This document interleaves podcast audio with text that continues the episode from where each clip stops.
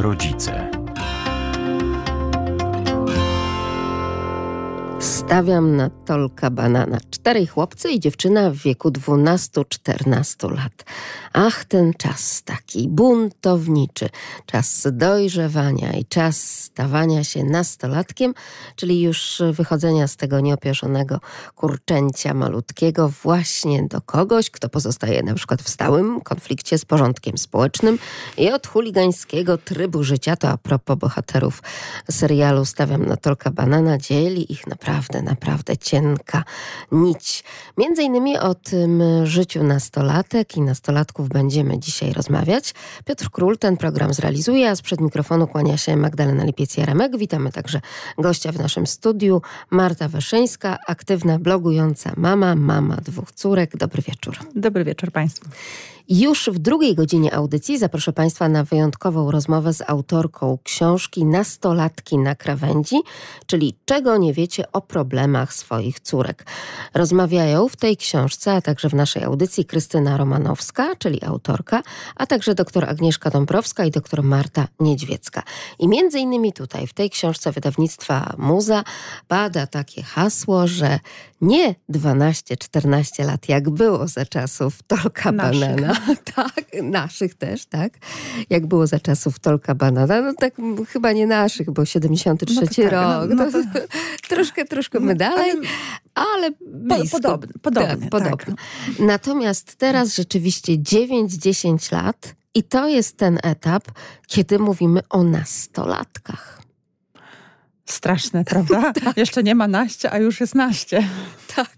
O, no to jest przełom. Ty to przeżywałaś, już przeżywałaś dwukrotnie. Tak, ja już mam dwie nastolatki. E, Wprawdzie jedna dopiero nastką będzie w czerwcu, a już jest nastką. E, Druga jest już czternastolatką za tydzień, e, już pełnoprawną, ale obie już przeszły swoje dojrzewania. Zaczyna, jedna praktycznie wyszła już z etapu buntu takiego, ma swoje jeszcze humorki, starsza jakieś tam, ale muszę przyznać szczerze, że bardzo łagodnie przeszła e, ten okres e, nastoletności, buntowności. I Dało się ją łatwo e, gdzieś tam w, ryzach utrzymać i, Ale też pokierować nią, i tak? pokierować. Bo to nie jest tak, że rodzic ma odpuścić i tutaj w tej nie, książce nie. też o tym jest mowa, że jeżeli nawet notorycznie dzień w dzień te drzwi do pokoju dziecięcego tak i zamykają się przed rodzicem, to jednak trzeba ciągle Otwierać. stukać i pukać i otwierać. Tak, tak, e, tak robiliśmy, e, że z jednej strony wiedzieliśmy, że to są te momenty, kiedy też w jednej książce e, bardzo mi się podobało, jak przeczytałam, że to jest nastoletni, ten budzący się dopiero mózg, to jest taki, taki pstryk, gdzie wyłącza się nastoletność, włącza się dorosłość, ale jednocześnie jeszcze jest w nim dziecko, więc za chwilę jest pstryk, jest dziecko i więc ten mózg w ogóle szaleje i nie wie, co, co się tam samemu w nim dzieje i to się uzewnętrznia tym dzieciom, no to, no to wiadomo, że my z nimi nie porozmawiamy, bo one jeszcze same nie wiedzą, o czym chcą tak naprawdę porozmawiać i co je tam w ogóle w środku gryzie. Więc z jednej strony trzeba było pozwolić im się gdzieś tam uzewnętrzniać i lepiej to było, żeby to było w domu niż w szkole czy przy koleżankach, ale z drugiej strony trzeba było im mówić, że no my jesteśmy obok i y, to jest naturalne, że mają być, tylko żeby też pilnowały tego, w jaki sposób to robią, bo nie zawsze jest to, em, mówiąc bardzo kolokwialnie, humanitarne. Wymieniłaś, Marto, tak, że żeby nie były to rozmowy właśnie gdzieś tam w grupie koleżeńskiej, że tutaj dobrze i bezpiecznie, żeby to było pod no, opieką osoby dorosłej, która wie, o czym mówi, tak, i wie, z czym przychodzi, żeby to nie było w grupie koleżeńskiej, żeby to gdzieś tutaj, prawda, było jak najbardziej bezpieczne. I tutaj bym dodała, żeby to także nie było na forach internetowych, bo okazuje się, prawda, i to o tym także traktuje ta książka, że niestety to, że tak trudno jest teraz być nastolatką, to jest kwestia jednak przeniesienia ogromu części życia właśnie do internetu. I tam dziewczęta poddawane są ocenie nie tylko kilkorga e, czy kilkunaściorga tak naprawdę dzieci w klasie i chłopców i dziewcząt, czy tam na forum szkoły, szkoły korytarza, czy jakiejś grupy harcerskiej, czy innego chóru, czy tańców tam, gdzie się spotykają. zamkniętych e, małych tak, gron. tak. Tylko tak naprawdę Całego tutaj, świata. całego świata. I Dokładnie. to nie ginie przecież, bo w internecie się znane hasło, w internecie nic nie ginie. E, także tak. E... Ja mam wrażenie, że to, że e, o takich pozytywach mówisz mimo wszystko w tym przejściu nastoletnim i w tych waszych niezachwianych ciągle jeszcze relacjach pomiędzy y, dorastającymi córkami, nastolatkami, a wami, jest także zasługa tego, że wy, pomimo tego, że jesteście nowoczesnymi rodzicami, to jednak nowoczesne środki, prawda, przekazu i wszystko inne dozowaliście długo dozowaliśmy, do pandemii tak naprawdę bardzo mocno e, dozowaliśmy, bo to były tylko soboty. Powiedz wprost, to było tak, że to nie było tak, że nie wiem, dziecko miało 6 lat i dostało telefon komórkowy. Znaczy, o, nie to, że telefon komórkowy, smartfon. Tak? Absolutnie. E, ani jedna, ani druga nie miała telefonu nawet jako, znaczy teraz smocha ma, ale przez, do pandemii praktycznie żadna nie miała ani telefonu, ani e, komputera, ani, ani Jaki żadnego... to był ich wiek graniczny? W no, czwartej klasie, no właśnie, to, to 11 lat e, miała starsza Zuzia, jak e, dostała telefon, który szybko zweryfikowaliśmy, że nie nadaje się, bo to miał, miał służyć jej jako komputer do lekcji zdalnych i myśleliśmy, że to będzie e, najłatwiejszy sposób, że będzie mogła go mieć przy sobie, ale okazało się, że ekran jest zdecydowanie za mały i za słaby jest telefon, żeby służył e, jako komputer. Więc e, pół roku później kupiliśmy jej stacjonarny, duży komputer. E, no i Martynka dostała swój pierwszy telefon w zeszłym roku. 9 lat miała, jak dostała swój telefon, który pełni funkcję e, komunikatora, czyli te wszystkie grupy komunikacyjne i telefonu, bo też jest tak stary, żeby był, służył jako smartfon, mimo że w nazwie ma jeszcze smartfon.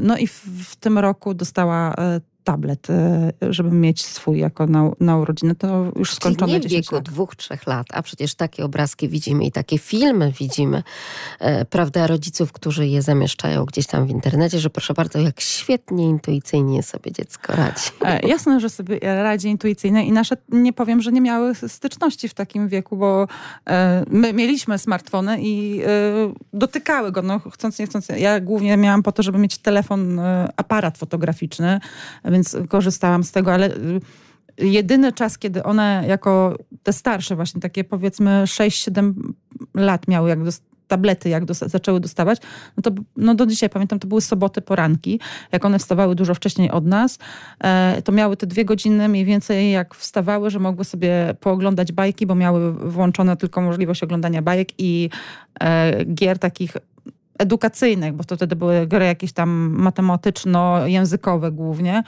E, no to miały ten czas do dwóch godzin, jak żeśmy się obudzili, jak do, do wspólnego śniadania. No i jakby mieliśmy na trasach, ta, się śmialiśmy właśnie tak zwane tablety uspokajające. Jak jeździliśmy na długie trasy powyżej tych czterech godzin, to też na te do dwóch godzin mogły wykorzystywać, nie mogły, Zuzia to robiła ciągiem, że jak dwie godziny, no to ciągiem aż się wyłączył e, tablet. A Martyna, bo bateria padła? Bo, nie, bo po prostu e, wyłączał się, bo blokada się włączała, ale myśmy ich nie przedłużali, bo właśnie były gry, one też miały swoje stoliki, gdzie mogły rysować w trakcie e, podróży różne swoje rzeczy jakieś robić. E, a Martyna to było tak, że było trochę gry, ona, e, ją, jej się w głowie kręciło, jak korzysta do dzisiaj, więc ona nie może ani czytać, ani oglądać w, te, w samochodzie, ani nic, więc to jest duży plus, ale to były też tak bardzo, no, no, niecodziennie podróżowaliśmy na, na, takich trasach i jakoś się dało żyć. No i nie, nie marudziły, nie płakały, nie było z tym problemów. Zapytałam cię o to właśnie właśnie z Twojego doświadczenia matczynego i myślę, że to jest bardzo wartościowa kwestia, o której tutaj mówisz, zwracając się do radiosłuchaczy, bo wyobraź sobie, że autorka tej książki, czyli Krystyna Romanowska, przypomnę, nastolatki na krawędzi, na rozmowę z autorką zaproszę już Państwa w drugiej godzinie naszego programu, poddaje no tak rewolucyjną po prostu kwestię przekazania dziecku smartfona do rąk, że to ja sama nie mogłam uwierzyć, kiedy to padło z ust tej dziennikarki, autorki książki, że nie wiem, czy ktoś z Państwa też jest w stanie w to uwierzyć, bo ona mówi o tym, że kto wie, czy nie warto i czy być może rzeczywiście wszelkiego rodzaju e, apele, ale też takie lobbowanie i pedagogów, i wychowawców, i rodziców, i psychiatrów, i psychologów będzie jakby zmierzało do tego, żeby ta granica przekazania dziecku smartfona do ręki i w ogóle możliwości korzystania z tego smartfona to był 18 rok życia. Ja nie wiem, czy jest to w ogóle możliwe w tym współczesnym świecie. Nie, nie, nie ósmy, tak? Bo to Mhm. y, tak było, kiedy to No y, komunia jeszcze była, tak? W wieku A, tak, 8 lat, tak. to wtedy, prawda, już Prezenty nie rower, były. tylko prezent to właśnie smartfon oczywiście, Mhm. y, laptop i wszystko inne, to co się z tym Tak. wiąże, czyli tak naprawdę co wiąże się nie tylko z samym narzędziem, ale przede wszystkim z tym dostępem do internetu, tak? Mhm. Czyli nie narzędziem do telefonowania, nawet SMS-owania, tylko Do dostęp, internetu. Tak, i plus zdjęcia, tak, i filmy.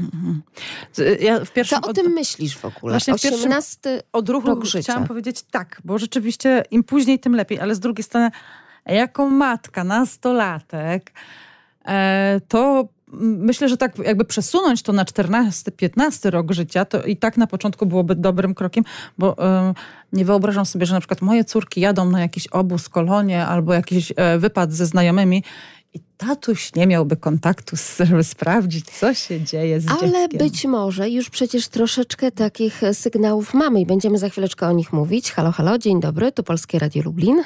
Raczej dobry wieczór. E, ja do radia się dodzwoniłam. Tak, do radia, dobry wieczór panu. Jestem na antenie, ale to rozmowa nie na. Dobrze, no to w takim razie poczekamy i za chwileczkę poza anteną również porozmawiamy. A już myślałam, że chcą Państwo zareagować na ten 18 rok życia, czyli na ten moment, kiedy tak naprawdę rodzic powinien był przekazać dziecku smartfon, telefon do ręki 801 50 10 22, także 81 743 7383. Co Państwo myślą o takim e, pomyśle? Czy to rzeczywiście rewolucja, czy być może e, powoli takimi małymi kroczkami rozsądnego podejścia do własnego dziecka przypadkiem nie zmierzamy? Bo wspomniałaś te kolonie, ale przecież tak jest, że jeżeli dziecko potrzebuje kontaktu, e, a jest na koloniach, na obozach, na wyjazdach, no nie to, że zakaz, ale po prostu no, taka prośba, że nie Nie, nie, używamy, to to, tak. idziemy do wychowawczyni, Tak, tak? tak, tak. To, to jest przy małych dzieciach. To, to ja jestem też i popieram ten i zawsze byłam za tym, żeby w trakcie obozów, kolonii zabierać. Bardziej miałam na myśli takie nastolatki, które sobie same jadą w swoim gronie. e, Te, te takie Aha. 15-16 plus, kiedy po raz pierwszy wyjeżdżają gdzieś samemu. No tak, teraz nawet ciężko byłoby budkę telefoniczną No właśnie. znaleźć, żeby zadzwonić To- do rodziców. To, to raz, a dwa, tak sobie pomyślałam, ale z drugiej strony mogą mieć telefony, niekoniecznie smartfony, tylko wystarczy mieć telefon. A teraz Tak, najczęściej... bo tu właśnie chodzi o ten smartfon, chodzi o No ten właśnie. dostęp do internetu, chodzi o dostęp do robienia zdjęć i filmów i do seksualizacji dziecka, tak. a tutaj no jakby krok jest niesamowicie prosty Otwarte i szybki. Dokładnie, bardzo szybki. bez kontroli bardzo często. Dzisiaj na spotkaniu z koleżankami właśnie miałyśmy e, rozmowę na ten temat, gdzie e, dziewięcioletnia dziewczynka ma swojego Instagrama, rodzice o tym nie wiedzą, e, a właśnie koleżanka zauważyła przez e, córkę swoją, że ona jej pokazywała, że to jest jej koleżanka z klasy. E, i tak przeglądała i otwierała tylko oczy, no bo ona głównie u dziadków jest, bo dzi- dziadki jej na wszystko pozwalają, a ona, y, właśnie koleżanka powiedziała, musi porozmawiać z rodzicami, bo to jest dziewięciolatka, a jak zaczęła oglądać, kto jej lajkuje tak zwane te zdjęcia i to są sami dorośli mężczyźni. Autorka tej książki mówi o tym, że bardzo często takie fejkowe też y, przede wszystkim te mm, profile stwarzają również rodzice dziecku, a w jaki sposób? W taki, że fałszują datę, prawda, urodzin. Tak, a, I teraz, dlaczego tak to wygląda, kto jej to lajkuje i dlaczego ona i do niej jakby, y, do tej odbiorczyni Instagrama, ale także Facebooka i wszystkich innych y, TikToków i innych mediów, prawda? Tak. Y, Dlaczego takie informacje docierają, które nie powinny byłyby docierać do dziecka małego, prawda? Kilkuletniego? Przekłamane są Dane. Dane. Oczywiście, że tak. Metadane są przekładane, więc mamy tutaj Mm, kwestię taką, że proszę bardzo, dziecko już ma prawda 15 czy 17 lat, więc serwujemy mu reklamę taką, a nie inną. Tak. wszystkiego, co jest dostępne pod ręką. To się wiąże też trochę, mam wrażenie, e, ten przepływ właśnie tych informacji, przekłamania e, zauważyłam w trakcie pandemii, gdzie e, system jakby wymusił na rodzicach niestety przekłamy, pierwsze przekłamywanie przy zakładaniu właśnie na Facebooku Messengera. Tak. Ponieważ e, Oczywiście. bardzo często nauczyciele zakładali grupy i to właśnie przy pierwszych, drugich, trzecich klasach, gdzie te dzieci nie miały dostępu, no bo te wszystkie społecz- społecznościówki są 12-13 lat dopiero można było zakładać jakiekolwiek konta. Rodzice tłumaczyli to tym, bo też sama przez to przeszłam, że trudno jest im się poruszać w tych programach. em, no rzeczywiście, one nie są takie intuicyjne jak właśnie Facebook, czy Messenger, czy wszystko inne. To, co jest związane z takim życiem towarzyskim, powiedzmy, tak, w internecie, że ciężko im się poruszać w tych e, programach szkolnych, prawda? Mhm. Czyli czy w tych wulkanach, czy innych programach szkolnych. Bo się zawieszało, bo się coś tam. Tak, bo Mhm. na przykład trudno jest tam, nie wiem, przesłać dokument, bo się nie tak otwiera, bo nie tu się klika. Tak, bo- bo tutaj- Wieczne były problemy. Tak, tak, tak, tak. I że trzeba stworzyć w takim razie, no i tam też jest ciężko taki chatroom i taki pokój stworzyć, Mhm. więc dobrze by było, żeby to jednak były Facebooki i, tak I dalej. było o tyle łatwo jeszcze na samym początku, bo pamiętam, zakładaliśmy z Zuzi tego Messengera. E, jakiś, nie pamiętam z jakiego powodu, ale właśnie, żeby nie było Facebooka, tylko samego Messengera. E, I miała tego Messengera i e, straciła jakieś dane i po prostu chciała je odzyskać i chciała, za- e, musiała coś zmieniać w tym koncie. I okazało się, że y, żeby zmienić, bo zmieniła się też wtedy, właśnie w trakcie pandemii polityka Facebooka, że żeby założyć Messengera, trzeba było założyć od razu konto na Facebooku. Żeby założyć konto na Facebooku nieletniemu, który tam nie skończył tych 12-13 lat, trzeba było pod- podać fałszywe konto. I żeby, Fałszywe dane, datę urodzenia, Tak. po to, żeby system Żeby mógł, mógł- zaakceptować. żeby mógł. Za... I tu się zaczynały już schody. I to mnie trochę wtedy pamiętam drażniło. I Zuzia miała taki etap, że no przecież Facebooka, mama Facebook też jest od 12 roku życia, bo ona bardzo chciała mieć tam mm, właśnie inny. A my powiedzieliśmy stanowczo, okej, masz ten e, telefon, który nazywa się smartfonem. Na szczęście był na tyle słaby, że e, ale nie zgodziliśmy się, żeby miała jakiekolwiek inne e, społecznościówki. Skąd... Podziwiam tę stanowczość, bo tak wiele osób, tak wiele rodziców uległo. Zresztą z pewnością córka też opowiadała, że w klasie, no, Oczywiście, bo w no. klasie wszyscy mają. o dziwo, powiem ci szczerze, że u Zuzi nie wszyscy, wszyscy e, jeżeli mają, e, rozma- ostatnio rozmawiałam, to ze mnie się śmiała właśnie, bo z jednej strony jest taki trend, że e, TikTok w ogóle góruje, to krótkie filmiki jakieś takie, e, gdzieś też czytałam statystyki, że to jest najbardziej popularny. Tak, ale e, też najgorsze. Z psychologicznego tak, tak, punktu widzenia to tak. jest najgorsze zło. Tak, Rzeczywiście TikTok, czyli króciutki film, który zbiera lajki tak naprawdę za bardzo głupie Dokładnie. zachowania, dokładnie tak. a nie za coś, co jest wartościowe. Tak. To- I niczego nie uczy, niczego nie wnosi. I, I to jest jeden z naj... właśnie to jest najgorsza społecznościówka, jaka może być, a jest najbardziej popularna wśród tych wszystkich naszych Dzieci, dzieciaków. A jak e, coś rozmawiałyśmy w samochodzie między właśnie dziewczynkami Zuzią i Martyną, to e, Zu, coś tam między sobą, że na Facebooku nie wstawiłaś, na Facebooku. A Zuzia, a kto Facebooka w ogóle używa? A, Tak, ja rozumiem, że to jest teraz takie... Mamuśkowe. Ona, przecież Facebook jest mamuśkowy. Tak, że to jest negowanie, bo to jest dla innej grupy Wiekowej. społecznej i wiekowej, tak, ale niekoniecznie, prawda? Tak, właśnie- Całkiem sporo dzieci ma. Więc to, że w waszej klasie tak nie jest, to też już pokazuje tendencję. A propos tej rewolucji, że może jednak właśnie smartfon, Przesuwać. internet tak przesuwać. Czyli po tym pierwszym zachłyśnięciu się, jak to cudownie, że Wszyscy, możemy tak. wszyscy wszystko pokazać, prawda? I zbierać te lajki, pokazywać nasze dzieci. Tak, no tak, ta, tak było. My jesteśmy tym pokoleniem, które chciało gdzieś tam wrzucać, bo właśnie y, z jednej strony y, patrzę na y, moje dziewczyny i y, ani Martyna nie ma, Martyna ma Facebooka przez to, że właśnie musiała mieć go założonego na tego Messengera, ale nie wrzuca za dużo rzeczy, tam prawie w ogóle nie wrzuca. One w ogóle nie, nie bywają na tym Facebooku. Na kolonii Zuzia jednego dnia wieczorem mówi, "Ha, em, dostała zdjęcia jakieś takie ładne i mówi, dobra, wrzucę mamo dla ciebie zdjęcie na Facebooku, żebyś wiedziała, co ja robię, nie? I się ze mnie tak śmieje złośliwie. E, Ale one naprawdę bardzo mało e, takich prywatnych rzeczy wrzucają. Bardzo mało. Te dzieciaki, I niekoniecznie mają taką potrzebę i to jest wspaniałe. tak, tak. E, I on, one tylko, ja się śmieję, że one to robią dla mnie. Jak coś, jak ma jakąś ładną sesję z koniem, czy to ona chce się pochwalić właśnie, to dla mamy, żeby mogła się pochwalić. Nie? No dzięki, nie? Czyli to jest zupełnie odwrotna sytuacja, U prawda? nas tak, właśnie, e, ale, Ale jednak to wasze wychowanie bez i bez tego wcześniejszego etapu przekazywania i po prostu podarowywania telefonów odniosło skutek. Ja tak się zastanawiam, czy rzeczywiście ten 18 rok życia, ja wiem, że on to po prostu no, kuriozalnie być może dla wielu nawet brzmi, czy nie jest tym dobrym tropem tak naprawdę w tym myśleniu, bo mózg nastolatka, a propos mózgu nastolatka, najszybciej się uzależnia od tego, co No jest tak właśnie. piękne, miłe i przyjemne, pełne emocji, jak właśnie internet i media Mhm. społecznościowe. Więc tutaj jakby te naukowe e, podparcie badaniami bezpośrednio to wszystko pokazuje. i skumuluję do tej 18. Tak. Zobaczymy, jak tutaj się to wszystko będzie rozwijało i jak ten świat tych dzieci, które teraz mają roczek, kiedy tak naprawdę Czy będą. rzeczywiście chwycą na przykład, Tak. może dojść do tego, że one od, akurat odrzucą i na przykład zostanie w komputerze, że tylko jak będą w domu po pracy, bo to też może być tak, że się już prze, przejedzą e, Tak. pokolenia i będzie coś, że będą raczej pilnowały Być swojej może oczywiście, prywatności. że będzie coś nowego, bo to No na pewno. nie może być inaczej, bo jakby Rozwijamy się, tak, jakby nie i też patrzeć. próżni tutaj przyroda nie znosi ani natura. Natomiast y, to jest bardzo ciekawe, że rodzice sami, nawet przykład tej twojej klasy pokazuje, że dochodzą do wniosku, że nie. Że właśnie nie, że to naprawdę nie jest tak potrzebne.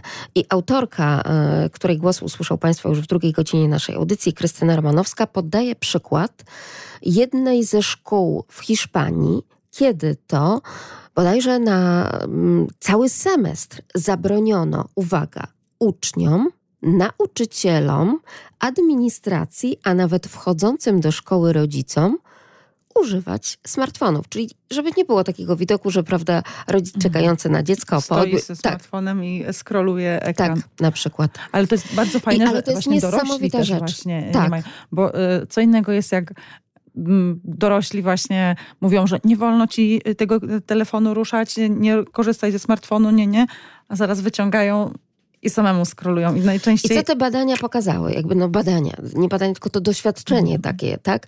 Pokazało, że zmniejszyła się kwestia e, takich e, no bardzo agresywnych też e, zachowań, No ale też i Mhm. kwestia tego, że trzeba było ciągle jakby tracić cenny czas na przekazywanie meritum lekcji, na to, że odłóżcie telefony, schowajcie No i tak dalej, i tak dalej, bo tutaj nie to podnoś, objęło całą szkołę. Czyli nie tylko dzieci najmłodsze, tylko po prostu, wszystkich, wszystkich. równo. Tak. Mhm. Super. Ale i co się okazało, że nie było też takich sytuacji, że no wiadomo, że mm, a, bo co będzie, jak się coś tam zdarzy, no to kto No to kogo... się zdarzy. To się, ale no to jest sekretariat, jest właśnie. możliwość, prawda, przekazania, bo to w ogóle polegało na tym, że te dzieci nie przynosiły. To nie to, że były gdzieś tam w plecaku schowane i tak dalej. I że ta młodzież wcale, w którymś momencie tak, oczywiście, że na pewno początki były bolesne, jestem w stanie Wiesz to sobie wyobrazić. Myślę, że niekoniecznie, bo odnośnie właśnie tego doświadczenia, też dzisiejsza anegdota e, koleżanki, która była opiekunką na obozie, e, na, tak, na obozie teraz w trakcie ferii, mówiła, że u nich był całkowity zakaz e, używania telefonów. Dzieci oczywiście przyjechały z telefonami, ale miały e, pół godziny wieczór, po południu, po w sumie przed kolacją, pół godziny e, z telefonem, żeby można było się skomunikować tam z rodzicami, jeżeli chcieli, jeżeli nie, po prostu mia, miały dostęp do tego telefonu. I ona powiedziała, że po kilku dniach to dzieciaki po 10-15 minutach same przynosiły, czy tam po kilku, coś tam tylko sprawdziły, czy rzeczywiście zadzwoniły do rodziców. I to nie, na początku, przez pierwsze dwa dni to jak Tak, nierozerwalne nić. nierozerwalnie, a później to po prostu same oddawały. Więc wtedy, jak są czymś zajęte, jak mają jakieś e, bodźce, jak jeżeli mogą ze sobą po, przebywać tak e, e, face to face po prostu e, i bawić się i być ze sobą, to one nie potrzebują e, dodatkowych stymulantów w formie właśnie tych smartfonów, internetów i tego wszystkiego. Poza tym mają zapewniony czas, ruch. właśnie. Zresztą o tym, jak bardzo tyją nasze polskie nastolatki. No, Tutaj uwaga. Na pierwszym miejscu w Europie jesteśmy, Tak. jeśli chodzi o krzywą tycia, zwłaszcza po pandemii. E, Jeśli chodzi o nasze dzieci i o nastolatki, to jest coś niesamowitego. I to, że tak wiele osób e, zdecydowało się po czasie nauki zdalnej pozostać w tak zwanej szkole w chmurze, czyli po prostu Zdalnie. nadal kontynuują tak naukę zdalnie, bądź też w ogóle mm, po prostu poprzenosiły się, z, przeszły na przykład na nauczanie e, indywidualne, Domowe. domowe, tak. E, Jest to niesamowity procent rzeczywiście po pandemii i tutaj nie chodzi tylko i wyłącznie o to, że jeżeli e, ktoś ma taki, prawda, charakter, że lepiej mu jest tam nie na forum, tylko tutaj ma lepsze wyniki i tak dalej. Często jest to związane z tym, że dziecko, czytaj częściej dziewczynka, po prostu przytyła i nie chce się prezentować. Tak. Nie tylko, że nawet w szkole, na korytarzach, w czasie lekcji nie chce być narażona na te bezpośrednie przycinki, ale nie chce nawet ćwiczyć na WF-ie. No bo wiadomo, że wtedy spada też i kondycja, niestety. Więc to są kolejne e, sprawy, bardzo trudne. Kiedy weszłaś tutaj do nas do studia, to od razu powiedziałaś, no tak, dzieci wróciły po feriach, e, no bo przecież spotykamy się dopiero w drugim dniu nauki po przerwie tej właśnie feriowej, tak, po feriach dzieci wróciły do szkoły i co się okazało, że zderzyły się ze ścianą, a ściana się nazywa wstawanie na lekcję na 7.30 bądź na 8, tak. I tutaj w tej książce też jest wytłumaczenie, że ten mózg nastolatka... Inaczej pracuje Oczywiście oczywiście, że ty też o tym wiesz. Tak, bo to y, też już, to nie dość, że ja pamiętam e, po sobie, jako ja nastolatka, to patrzę na moje dzieci i też e, na, pamiętam na zajęciach z psychologii o tym rozmawialiśmy, że właśnie dziecięcy mózg potrzebuje, inaczej pracuje, więc on e, chodzi dużo później, dzieci chcą, te, znaczy nastolatki chcą iść później spać. No i właśnie powiedziałeś, potrzeb... że to się skończyło, czyli zasypianie przed północą. No, mm, nie przed. W niedzielę było z tym problemem, ponieważ my też od zawsze mieliśmy dość e, restrykcyjne e, godziny kładzenia się, usypiania, gdzie o godzinie teraz przed, e, dziewczyny chodzą rzeczywiście trochę później spać niż, niż jako te małe dziewczynki, bo teraz jest godzina 21. Ale sama kiedyś mówiłaś, pamiętam twoje słowa w audycji, że twoje dzieci same po własnym organizmie tak. czują, że jeżeli nie położą się po tej 20, nie zaczną się wyciszać, to rzeczywiście nie prześpią tego rytmu 10, 11 czy 12 godzin, nomen, nomen bezpośrednio po prostu potrzebnych temu organizmowi, Dokładnie. to rano w czasie tych lekcji nie funkcjonują. Nie, one już nawet przed lekcjami nie funkcjonują. E, u nas jest tak, że no, godzina 21 to, to jest taki czas, kiedy one mają dla siebie, gdzie mogą już, e, ja krzyczę zawsze, jak coś robię na dole, jeszcze to wołam, że jest 20, 20.30, żeby kontrolowały zegarek, bo mają się w tym czasie przygotować do spania, bo jest godzina 21.30. Powiedz mi, co ty rozumiesz, co wy rozumiecie w domu pod hasłem przygotować do spania? Przecież nie mówimy tutaj o niemowlętach, które potrzebują rytuału, prawda, tak, One kąpiłka, mają... masażyk oliwką, otulanie, zabijanie, One już same mają swoje e, rytuały. Razem e, gdzieś tam pod prysznic, żeby poszły, że właśnie odkładają e, młodsza oddaje tablet, e, telefon, jeżeli jest e, w użyciu, jak ma jeszcze ten czas wieczorny, to do nas do sypialni. E, Zuzia kończy jakieś rysowanie, po prostu posprzątanie, pójście zjeść, bo często bywa tak, że one szykują się do spania, albo jak my nie przypomnimy, że jest godzina 20, 20.30, to nagle o 21.30, jak już chcemy zgasić światła, o, bo ona nic jeszcze nie jadła, ona by poszła jeszcze na dół i zjadła i, i ojejku, jejku. Ja mówię, nie, trzeba o tym pamiętać. Jak ja robię kolację i wołam wszystkich, a wy nagle nie jesteście głodne albo coś, no to, to nie jesteście głodne. To rano zjecie śniadanie przynajmniej e, porządne. Konkretne. konkretne. Ale e, o 21.30, jak gaszę światła, nie ma jedzenia już niczego. Koniec. Kuchnia jest zamknięta, pozamiatane, posprzątane. Nie. E, I, i tam czasami jak się pozapominają, to tam są takie... E, u nas e, rytuały polegają na tym, że właśnie dziewczyny e, sprzątają pokój, wyłączają jakieś tam sprzęty, Martyna sobie włącza jakąś cichą już radio, muzykę, przygaszają światła, kąpią się, zjedzą. I najczęściej jest tak, że Zuzia w ogóle idzie szybko spać i ona prosi tylko o zgaszenie światła, bo 22 to już jest tak, że ona leży w łóżku sama już sobie tylko jeszcze chce ostatnie słowa. Zawsze to jest taki rytuał, że tata idzie pogasić światła, jeszcze powiedzieć dobranoc. E, Martyna jest niestety typem, który ma problemy z zasypianiem. Jeżeli nie zaśnie o, o konkretnej porze, to potem do potrafi do drugiej, no, do drugiej w nocy potrafi się wiercić i strasznie. Dlatego ją to trzeba bardzo krótko trzymać i bardzo mocno pilnować, żeby położyła się w odpowiednich e, widełkach czasowych do spania. Mm, ale to też jest tak, że właśnie my przychodzimy, gasimy światła, e, mówimy dobranoc, ona jeszcze tam e, czasami coś poopowiada, jeżeli nie dokończyła czegoś. E, I wychodzimy i to jest i zasypianie. I tylko czasami Martynę właśnie słychać, jak zaczyna chodzić. Ja mówię, aha, nie, nie zasnęła od razu i, i tylko tuptanie takie do łazienki, później na dół do kotów, żeby kota przynieść sobie do łóżka. Wszystko, co teraz przedstawiłaś, to tak naprawdę no, zasady higieny snu. To, co wy intuicyjnie jako rodzice wprowadziliście, tutaj w poradniku od psychologów i psychiatrów y, również rodzice znajdują, bo okazuje się, że trzeba o tym przypominać, że trzeba na takie rzeczy zwracać rodzicom uwagę. To A jest też niesamowite, prawda? Dzieciom też. Tak, ale no jakby no przecież wszystko się, no od was się zaczęło, No tak? tak. Tak. To musi wyjść od rodzica. To, To rodzic stawia te Ja mówię granice. zawsze koleżankom, że to jest bardzo takie e, z jednej strony egoistyczne podejście, ale z drugiej Ja wiem, strony bo to... chcecie mieć trochę wieczoru Dokładnie, tak, Ale ale, to jest z drugiej właśnie strony właśnie zdrowe. Dokładnie, bo to jest zdrowe dla, Dla waszego dziecka. dziecka. Dokładnie tak. I ty na tym zyskujesz i dziecko na tym zyskuje, więc ja nie rozumiem, czemu pozwalać dziecku biegać, bo, o, bo mój tak marzy, on do 23, do 24 biega. Ale takie głosy przedstawiają rodzice przedszkolaków. No właśnie. O dziwo, tak. Co tu zrobić, jak on tak, prawda, ma cztery latka i tam biega do 23, a y, panie mówią w przedszkolu, że pierwszy zasypia. No I śpi całą drzemkę, prawda? I Wyłączyć telewizor, nie dawać telefonu, wyciszyć go po prostu. Bo to wystarczy, one mogą się bawić, bo ja nie powiem, że dzieciaki jeszcze wieczorem, e, nim pójdą spać, to wiadomo, że się chcą pobawić, ale to już nie muszą być e, gry, zabawy pod tytułem Takie zabij, tak, jakieś takie. takie. aktywizujące też bardzo, Dokładnie. prawda? Tak, a to Plus oczywiście ta higiena właśnie. od y, ekranu emitującego to niezdrowe niestety światło, które powoduje, że również z tym zasypianiem później są Po- problemy. Dokładnie tak.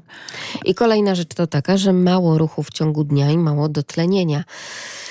I to niestety tak. Ja znam taką jedną nastolatkę, akurat też e, córa mojej znajomej, która pomimo, iż dostała mm, specjalny krokomierz, tak, to tak się nauczyła machać tym krokomierzem, że dłoń nadal pracowała.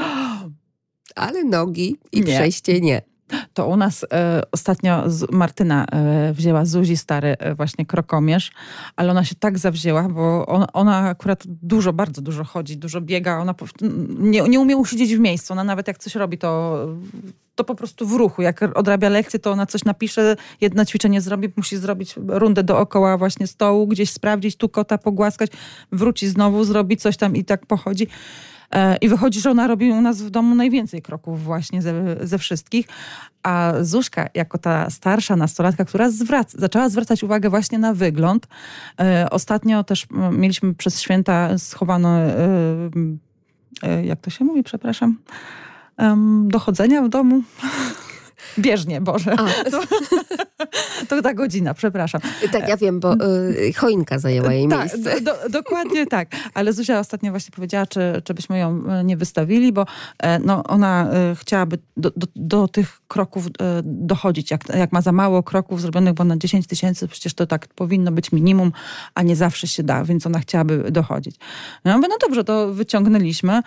Nie ma sprawy, zwłaszcza, że w trakcie tego chodzenia akurat po bieżni, to jeszcze całkiem sporo można zrobić, coś podczytać, prawda? E, obejrzeć. Niekoniecznie akurat, bo, bo e, Zuzia to tak jak w samochodzie, ona nie bardzo może w trakcie ruchu jakichś Aha. takich, e, więc ona sobie rzeczywiście może chodzić, może sobie, my jej mówimy, że może sobie słuchać muzyki wtedy i w rytm muzyki sobie tam e, chodzić.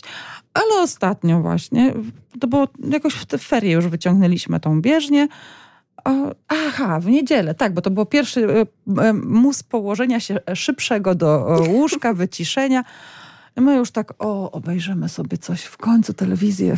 Jezu, jak dawno telewizji nie było i mi cisza i tak.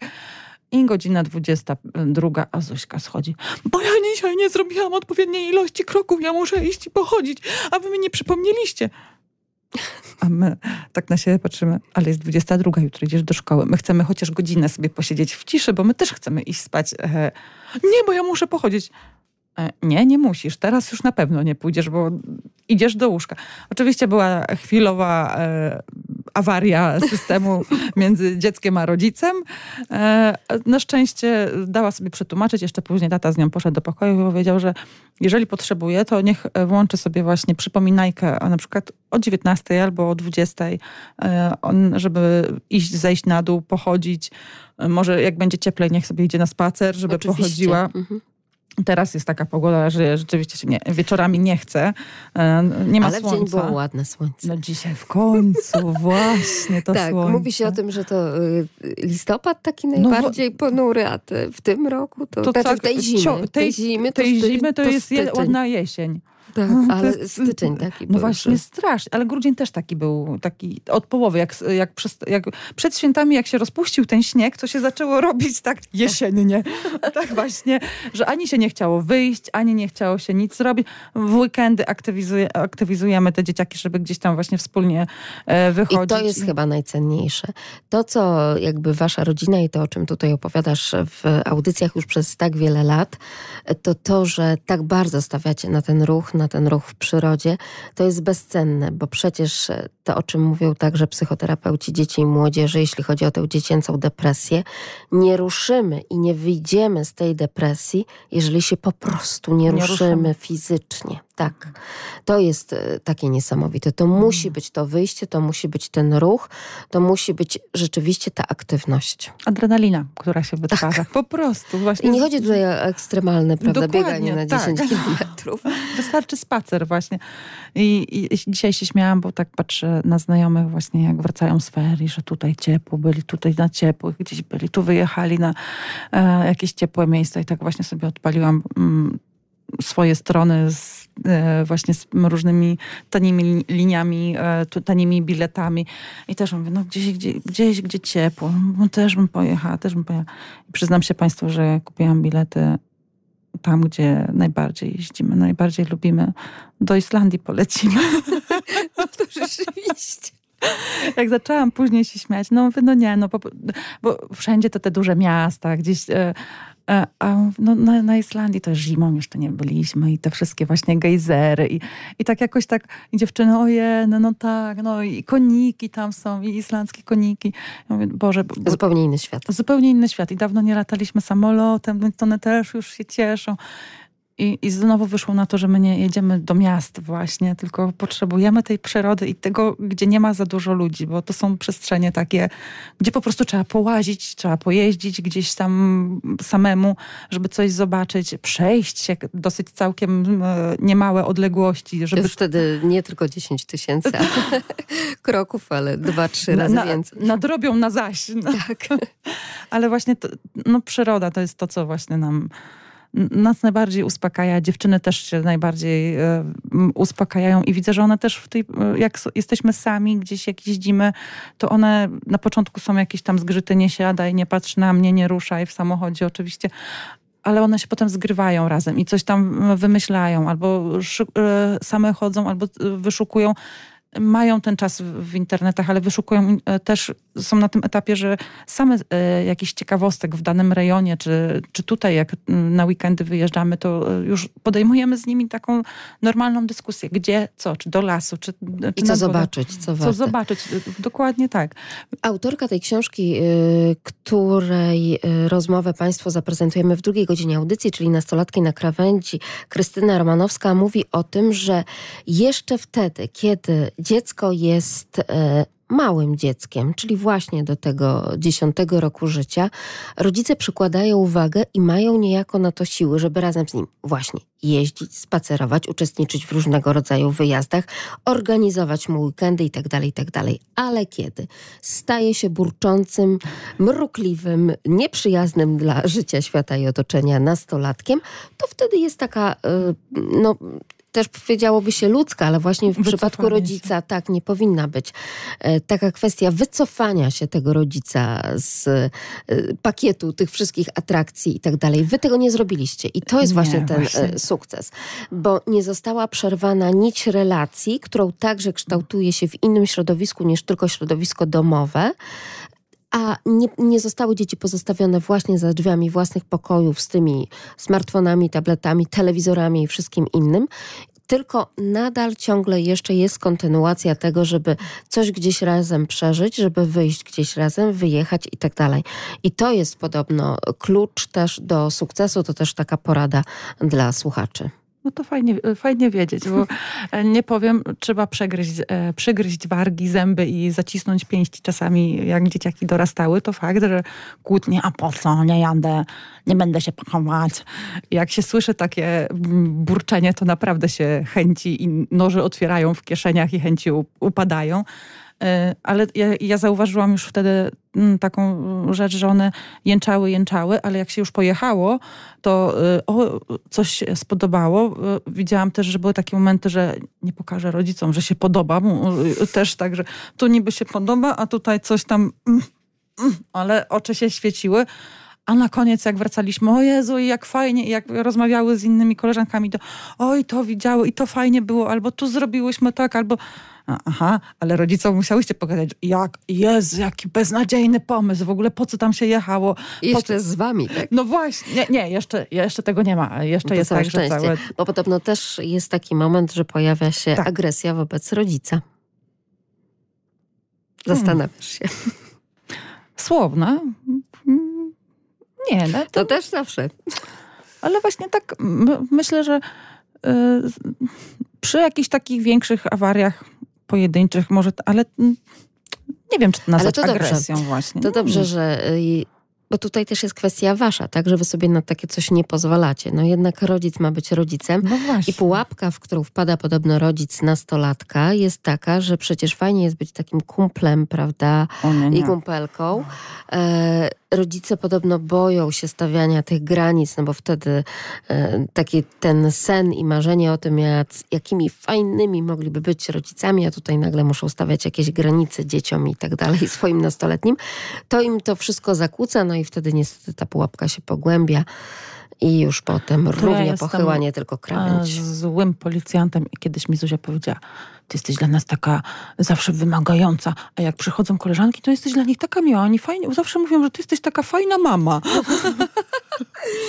Czyli umiecie grać, matko. No. chyba na tym to też polega, tak? No właśnie, chyba, z jednej strony, no przecież dla obcego dziecka nie, nie a będę jak wychowywać. z tymi nastolatkami tak naprawdę? No tak normalnie, jak z moimi dziećmi jak coś mnie wkurza, to mówię, że mnie to wkurza i żeby spadały stąd, żeby mnie nie denerwowały, bo się zaraz zezłoszczę i niech spadają. Nie? Albo jak coś pobrudzą, no to mówię, hello, pobrudziłeś, to sprzątaj. No co tutaj teraz robisz? To ja myślę, że twoją służącą jestem? I, i mówię tak, frazesami takimi, które e, znamy też z naszych. Ale ja to mówię, ja się tam nie, nie boję e, powiedzieć, że jak mnie coś zdenerwuje, to mnie denerwuje. I że jak... później będziesz miała telefon od mamy. Jak pani mogła nakrzyczeć na mojego synka? Ale ja na nikogo nie krzyczę właśnie, jestem zawsze miła. E, nie, no ja nie wychowuję cudzych dzieci. Ja moje wycho mogę wychowywać i moim mogę mówić, co im wolno tak stanowczo, bardziej stanowczo niż e, innym dzieciom. No ale się nie boję rozmawiać z tymi e, dziećmi i nie udaję właśnie też kumpeli, bo nie chcę być ich kumpelą, bo to nie dość, że wiek nas troszkę różni, to, no to tak, mm, nie wiem, no nie czuję jakiegoś tam ani komfortu, ani jakiejś potrzeby bycia ich kumpelą. Ja mam swoje kumpele i każdy musi mieć też, one też muszą mieć swoje grono. My mamy ten czas właśnie w weekendy, czy w, w jakieś tam wycieczki i w święta, gdzie jesteśmy my, rodzina, ale ja ich nie tworzę po to, żeby one zostały ze mną na zawsze, tylko wiecie, dziewczynki, kończycie szkołę i mamusia wam walizki wystawi. Tam są drzwi. Podobno takie marzenie rodziców to jest, e, kiedy już dzieci e, założą własny dom i wejście do tego domu, czy też do mieszkania i, i bycie... zrobienie tego wszystkiego, co dzieci robią. Czyli tak, rozrzucanie skarpet po całym... Po domu, tak, gdzieś pod łóżko, pod poduszkę. Szafek, otwieranie. O, cukier po... mi się wysypał. Sól mi się pomyliła i wsypałam do cukiernicy.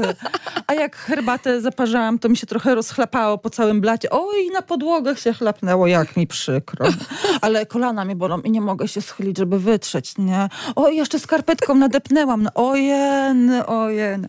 Tak. tak. Jeszcze podoba mi się również wyciąganie prania z pralki, czyli wybieranie, czy też suszarki bębnowej, wybieranie tylko tego, co jest ich i resztę zostawianie na podłodze. Nie, to nie, to na, na szczęście nie, nie, nie, mieliśmy takiej sytuacji. Jak wyciągają, to nawet zanoszą mi e, na górę, żeby... E, wprawdzie nie wieszają, bo... E, tatuś ich e, nastraszył, że mama bardzo się złości, jak się źle powiesz pranie, a podobno wieszam jakimś systemem i nikt tego lepiej nie zrobi niż ja, więc e, dziewczyny tylko, mamo, masz już pranie przygotowane do powieszenia. Ja przytaczam tutaj taki filmik stworzony właśnie przez rodziców już dorosłych dzieci, którzy to rodzice pod nieobecność tychże już dorosłych dzieci, które założyły rodzinę, weszły do domu, właśnie takie rzeczy robiły, czyli tak y, otwieranie szuflad, no bo tam przecież mhm. tutaj jak jak się szuka. No Wszystko, wszystko trzeba otworzyć i nie zamknąć. No, tak? jeszcze w ogóle wszystko wysypać na podłogę, bo na podłodze się najlepiej szuka przecież. I właśnie to wybieranie prania, czyli tylko a, co moje, a to to moje, to dobrze, do to, to, siebie. to, tylko to do siebie, a reszta niech sobie leży. Nawet ta uprana i wysuszona na podłodze. To przecież jaki to problem w ogóle. Tak, rzeczywiście. No to jest... Poczekamy, jeszcze niedługo, już niedługo. Rzeczywiście to są takie z uśmiechem marzenia, ale no, to jest, jest jakiś problem, tak? W tym podejściu rodzica do nastolatków, chociaż tak naprawdę te relacje powinno się kształtować właśnie od tego niemowlęcia i tutaj nie przerywać tej relacji rodzicielskiej, to wtedy może nie będzie aż tak wielu problemów. I powinni być rodzice w domu też, e, bo nawet jak są w domu fizycznie, to często ich nie ma, bo e, to też mi się wydaje, że jest dużym problemem, jak rodzice przynoszą pracę do domu i pracują do późna i te dzieci teoretycznie tych rodziców też nie widzą.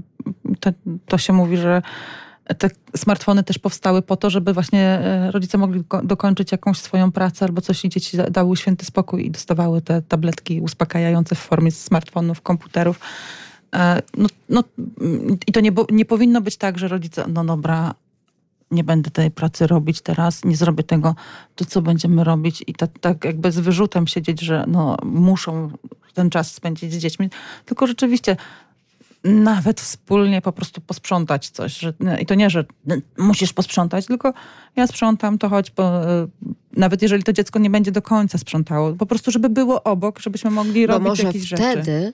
Powie coś o sobie, bo może wtedy powie o relacjach towarzyskich, Na pewno powie. prawda? Właśnie, na 100%. Bo e, nawet jeżeli na takie pierwsze dzień dobry, to tam w szkole nie odpowie nic. I to czasami to tak. też jest Ale no zrozumiałe, okej, bo albo- to pytanie to jest takie... No właśnie.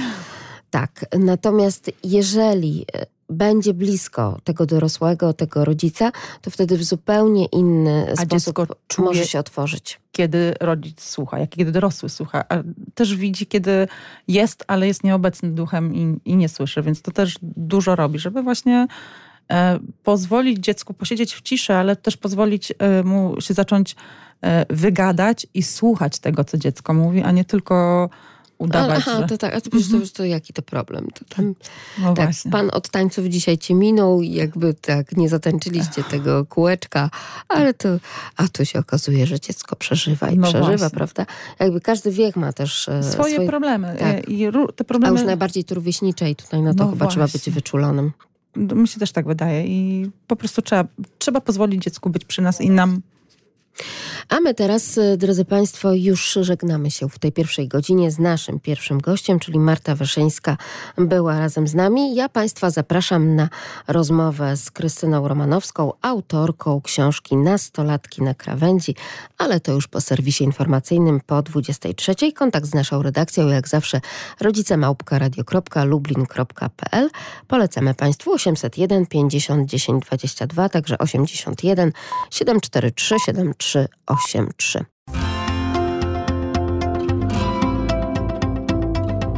My, rodzice. Na początek ja poproszę, aby Pani wytłumaczyła troszkę naszym słuchaczom, a wśród tych słuchaczy oczywiście rodzice, bo spotykamy się w cyklu i w ramach audycji My Rodzice. Tak naprawdę dla kogo to jest poradnik i dlaczego tutaj rodzice synów mogą poczuć się delikatnie odepchnięci od tematu. Absolutnie nie, nie chcemy urazić rodziców e, synów. Ten poradnik, no właściwie naz- nazwałyśmy to bardziej mm, przewodnikiem niż poradnikiem, jest adresowany nie tylko do rodziców, ale też do wszystkich dorosłych, którzy w ogóle pracują, współpracują, opiekują się młodymi ludźmi. I Zależy nam którzy bardzo- mają nastolatków w domu. I którzy mają nastolatków w domu. Słyszę dużo głosów o tym, kiedy będzie książka o chłopcach. Książka o chłopcach jest w przygotowaniu, natomiast na 11 rozdziałów, tak naprawdę 5 rozdziałów to są rozdziały takie typowo, w cudzysłowie mówiąc, dziewczyńskie, a pozostałych 6 to są właściwie dosyć uniwersalne rozdziały dotyczące na przykład diagnozy jakichś zaburzeń neurologicznych, czy też w ogóle jakby diagnozy psychiatrycznej czy psychologicznej dla dzieci i młodzieży.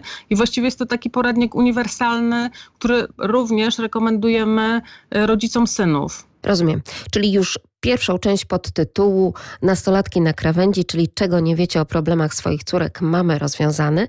Natomiast skupmy się na tych nastolatkach. Tak naprawdę od jakiego wieku tutaj i Państwo w książce podejmują temat i generalnie, bo troszeczkę się to wszystko przesunęło. Jeszcze wtedy, kiedy być może, nie wiem, ja byłam nastolatką, to to był wiek właśnie, tak powiedzmy, nie wiem, 14-15 lat. Natomiast teraz każda dziesięciolatka mówi o tym, że ja już jestem nastolatką.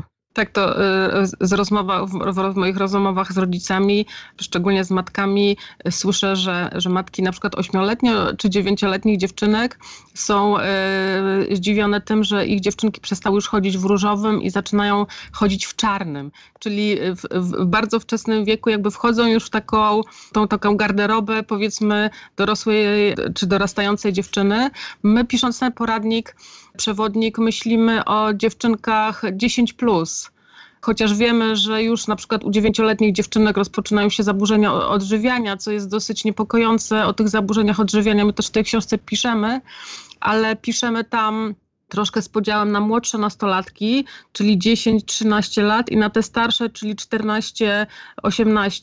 Y, mówimy o tym, jak dobierać jakby to czego można zabronić 10-13-latkom, trudniej jest tego zabronić już 14-18-latkom i my bardzo to wyraźnie rozgraniczamy, że część metod wychowawczych nada się dla młodszych nastolatek, ale już nie dla starszych. U starszych będzie to bardziej negocjacja czy rozmowa, u młodszych mogą być e, to bardziej zakazy. Więc w, tym, w tej książce dosyć mocno różnicujemy też e, to, że inaczej podchodzimy do młodszych, a inaczej do starszych.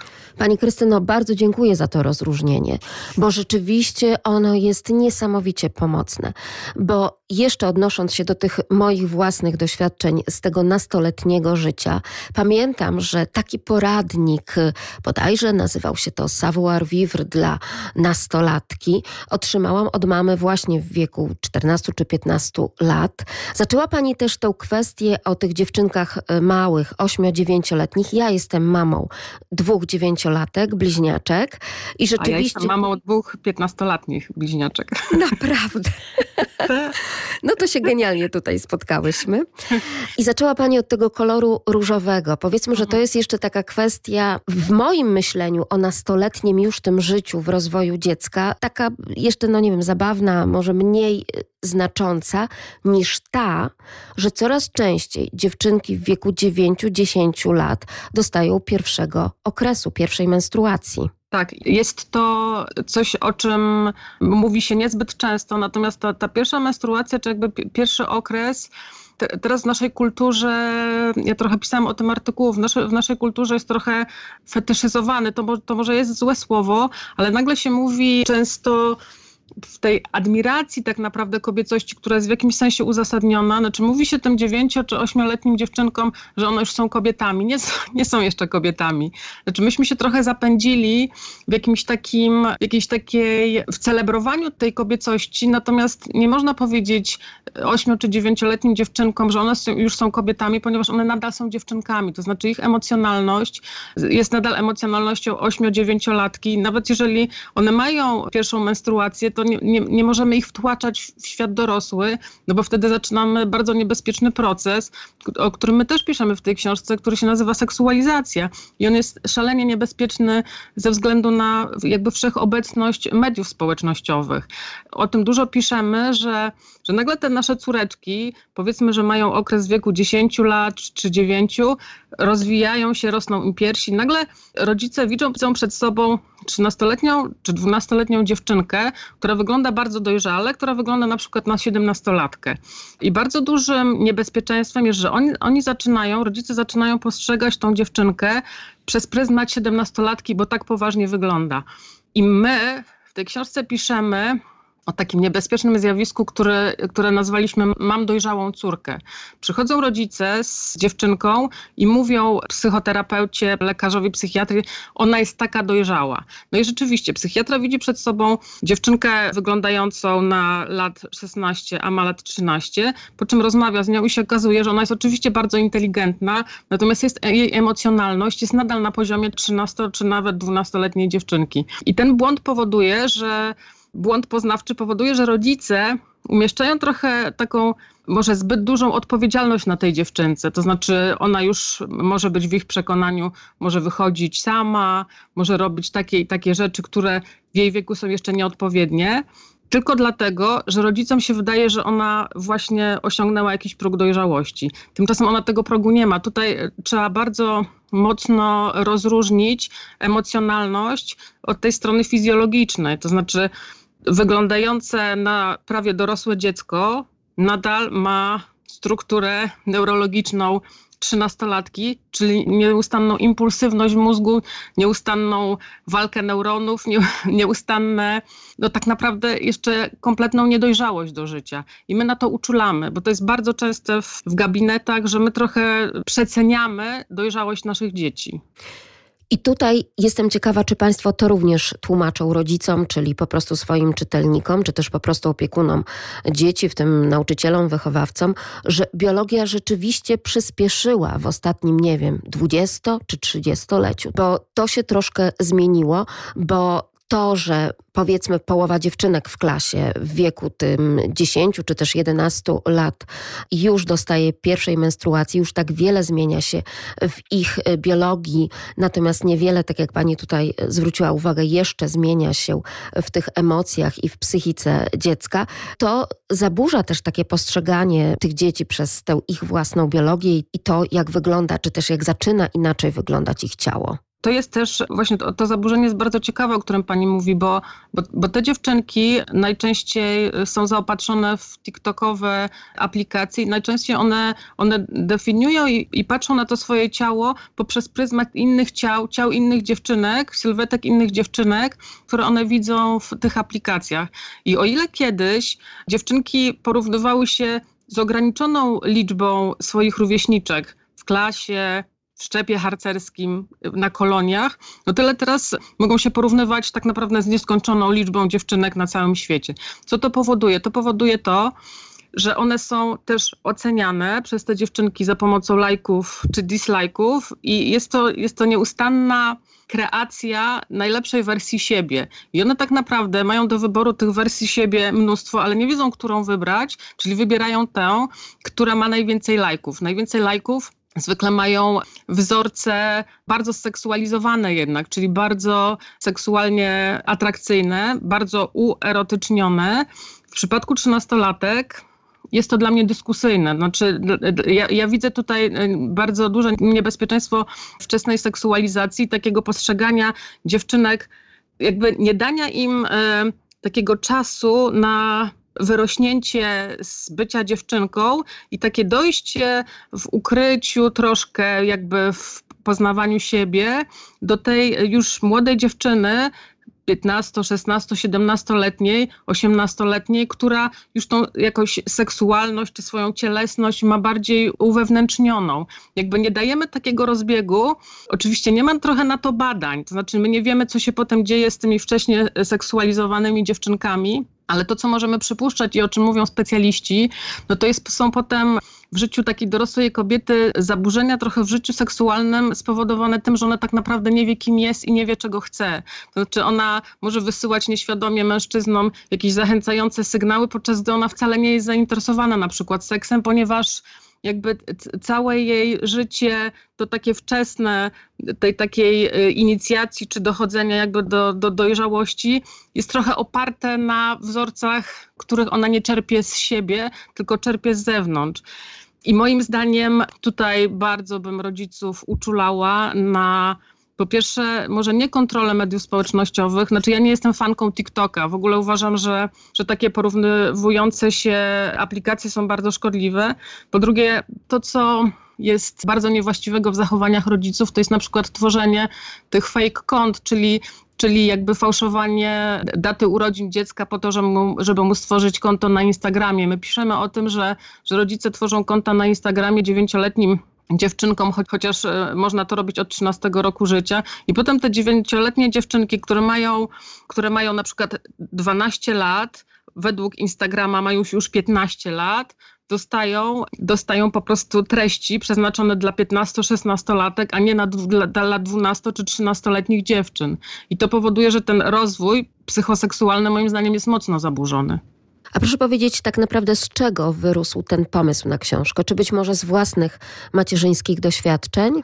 Ten pomysł na książkę wyrósł e, z tego, że myśmy robiły z autorkami cykl wywiadów do wysokich obcasów jakieś dwa lata temu, w którym po raz pierwszy chyba, albo był to jeden z pierwszych artykułów e, jakby w polskiej prasie, w którym e, opowiedziałyśmy o autyzmie i o ADHD u nastoletnich dziewczynek, o tym, że trudno jest, je, trudno jest to diagnozować, ponieważ to wszystko zawsze od początku było oparte na obserwacji chłopców. I wtedy zaczęłyśmy rozmawiać o tym, dlaczego te, bo ADHD to wiadomo chłopcy, autyzm to też jakoś była to taka chłopacka dziedzina. I wtedy pomyślałyśmy, dlaczego te dziewczynki są takie bagatelizowane, a de facto ich rozwój psychofizyczny, psychoseksualny jest o wiele bardziej, czy fizjologia jest o wiele bardziej burzliwa w okresie dojrzewania, dlaczego te pierwsze badania są tylko na chłopcach, a co z dziewczynkami. I doszłyśmy do wniosku, że, że jednak musimy, musimy odinkluzywnić czyli musimy napisać dwa poradniki. Jeden dla dziewczynek i jeden dla chłopców, ponieważ niektóre rzeczy się pokrywają, ale wiele różnych cech, wiele, wiele różnych rzeczy dotyczy tylko i wyłącznie dziewczynek, jak choćby ta, ta wczesna seksualizacja, jak choćby to, że dziewczynki są częstszymi pacjentkami w, w gabinetach psychoterapeutycznych. One częściej dokonują prób samobójczych, częściej są ofiarami y, molestowania seksualnego i stwierdziłyśmy, że, że, że, musimy to zróżnicować. Te artykuły dotyczące ADHD i autyzmu cieszyły się ogromną popularnością, dużo ludzi je czytało. Widać było, że, że, że rodzice szukają jakby odpowiedzi na to, co się dzieje z ich dziećmi. I oczywiście nie, nie zawsze to jest to, że, że ten niepokój czy, czy, czy różne rzeczy, które, które rodziców martwią, są związane e, stricte ze spektrum autyzmu czy z ADHD, ale widać było, że rodzice szukają właśnie takiego też typowo rodzimego przewodnika po nastolatkach, bo trudno jest przekładać na przykład, y, nie wiem, duński, brytyjski czy francuski poradnik o nastolatkach na nasze polskie realia. Więc wydaje nam się, że on jest bardzo potrzebny. Trudno też nam, rodzicom, korzystać z tych poradników, które rzeczywiście pojawiały się na polskim rynku wydawniczym, ale sprzed wielu, wielu lat, bo przecież tak wiele się zmieniło, zwłaszcza w tej tkance nastoletniej. Tutaj te zmiany są kolosalne. Podjęła się Pani jako dziennikarka, Pani Krystyno, ja przypomnę, że naszym gościem jest Krystyna Romanowska, autor autorka książki Nastolatki na krawędzi, rozmowy z lekarkami, z panią doktor Agnieszką Dąbrowską i panią doktor Martą Niedźwiecką. Tak naprawdę jakich specjalności są to lekarki? To są lekarki, e, one są psychiatrkami i też mają duże doświadczenie psychoterapeutyczne, też są, też są psychoterapeutkami. Pracują w ośrodku Relacje, w Fundacji Relacje na rzecz rozwoju psychiatrii dziecięcej e, już od 20 lat. Wcześniej pracowały w szpitalach, więc jakby mają też doświadczenie kliniczne, doświadczenie z, z pacjentami e, takimi stricte szpitalnymi, czyli mocne depresje, próby samobójcze. Teraz założyły swój własny ośrodek i przyjmują pacjentów właściwie z całej Polski. Wierzę i ufam w ich kompetencje. Zresztą jakby widać, że, że wiedzą o czym mówią. Mają też znakomite recenzje i są też e, to, co mnie urzeka w moich rozmówczyniach, to jest to, że one są bardzo skupione bardzo mocno na dzieciach, są bardzo prodziecięce, traktują swoich pacjentów naprawdę z dużą czułością i wrażliwością, ale z drugiej strony nie popełniają tego błędu, który, który robi sporo specjalistów, że one nie są antyrodzicielskie. Znaczy część specjalistów ustawia się mocno w opozycji jestem za dzieckiem i jestem trochę przeciwko rodzicowi, bo to trochę wina rodzica, to ro, rodzic ponosi winę za to, co, co się dzieje z dzieckiem. Tutaj nie ma tak. Znaczy tutaj widzę i troskę o rodzica, i troskę o dziecko, bardzo dużą troskę o, o, właściwie o cały system rodzinny. Ta, ta narracja, która towarzyszy naszej książce, to jest to, że to nie jest tak, że, że, że ten nasz nastolatek nagle odkrywamy, że mamy w domu nastolatka, ktoś nam zrzucił tego nastolatka z dachu.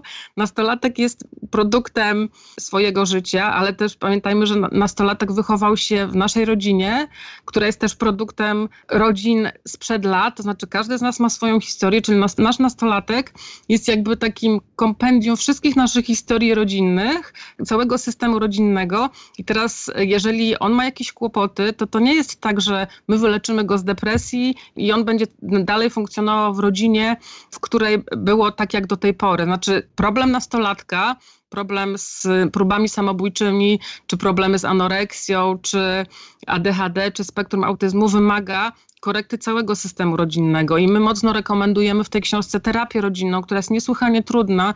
Też mocno o tym piszemy, ale pamiętajmy o tym, że, że rodzina jest po prostu systemem naczyń połączonych.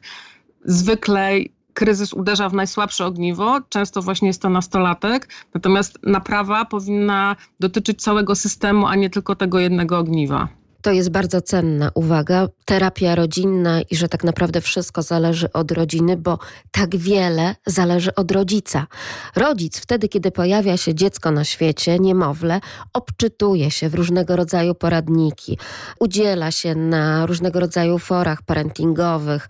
Tam dostaje niesamowite wskazówki, jak powinien wyglądać taki rytm dobowy niemowlęcia, kiedy, gdzie i jak karmić, jak przewijać, jak reagować na pierwszy, drugi czy trzeci płacz i tak dalej. Tych poradników, szkoleń, warsztatów, jeśli chodzi o niemowlęta, mamy tak wiele, a tak bardzo gdzieś w ostatnich latach właśnie ten nastolatek, to dorastające dziecko zostało tak odepchnięte niejako. To znaczy rodzice zostali pozbawieni takich poradników, warsztatów i szkoleń, rzeczywiście w ostatnich latach zaczynamy zauważać, że taka jest też ogromna potrzeba i między innymi też wielu psychoterapeutów, psychiatrów podejmuje się takich szkoleń i takich właśnie warsztatów dla rodziców, jeśli chodzi o rodziców nastolatków, bo taka też jest potrzeba, prawda, żeby też wiedzieć co nieco na przykład o tym, co się dzieje w mózgu, tak po prostu, Dokład, tego tak, nastolatka. Tak, dokładnie, dokładnie tak, bo, bo jakby mnóstwo, mnóstwo nieporozumień, ja jestem na różnych na forach rodzicielskich mnóstwo nieporozumień, mnóstwo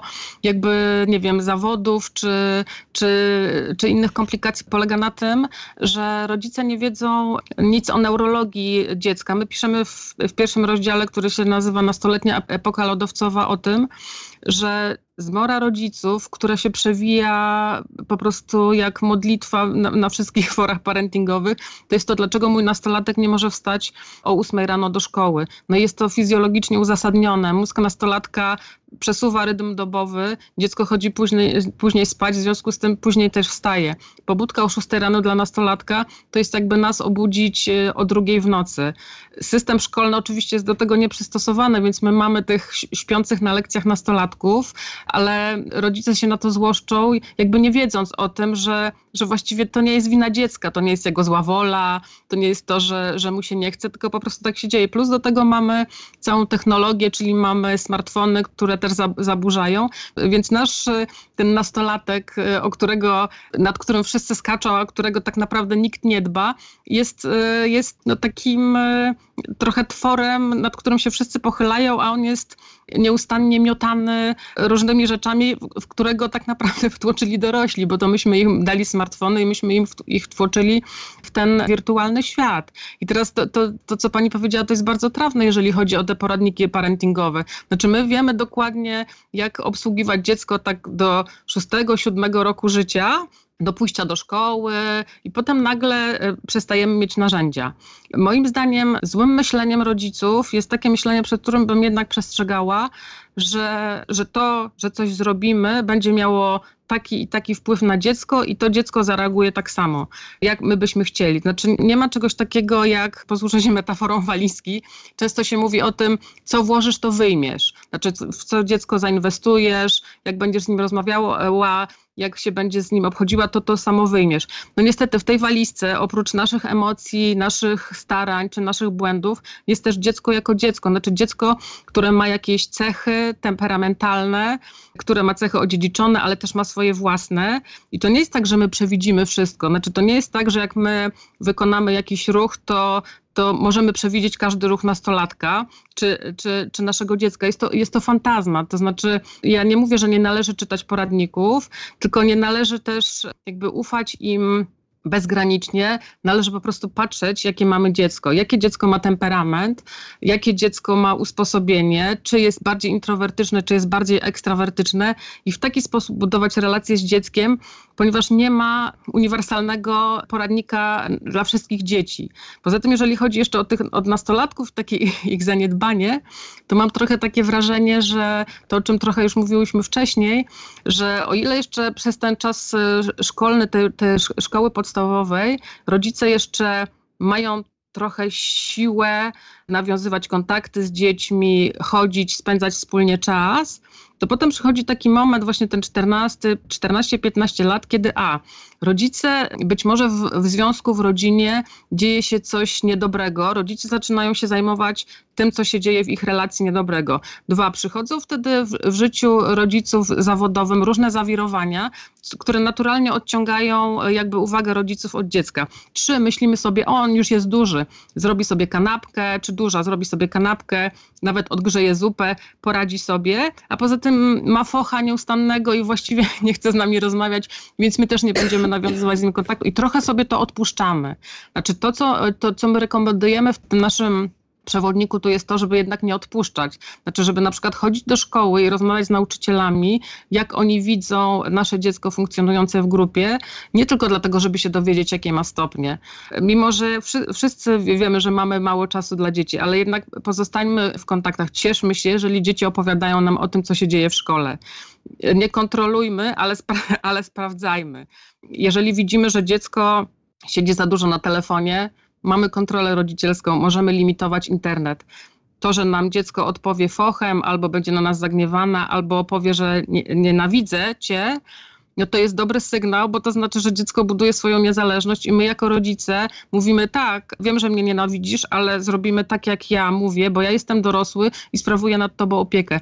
Uważam, że powinniśmy, i w tym, tym poradniku mówimy o tym, uważam, że powinniśmy stawiać mądre granice dziecku, tak jak pisał w swojej książce, jest Jasper Jul, e, duński psychoterapeuta, który, który jest, e, jest w jakiś sposób mi bliski, żeby mówić nie z miłością, bo to mówienie nie to przeciwstawianie się naszym zakazom, które dla dziecka mogą być absurdalne, to jest to, co buduje ich przyszłe życie, to jest to, co buduje ich osobowość, bo dziecko nie może mieć, dziecko nie może mieć tylko i wyłącznie łatwej i dobrej drogi. Znaczy nie, nie możemy wszystkiego z nim wynegocjować. Czasami musimy powiedzieć, tak ma być, bo ja jestem dorosły i ja za ciebie odpowiadam. A jeżeli zrobisz coś, co mi się nie podoba, to ty będziesz ponosił za to odpowiedzialność. Często rodzice nie potrafią tego zrobić, bo się boją, że z takich partnerskich i fajnych, kumpelskich rodziców staną się rodzicami opresyjnymi.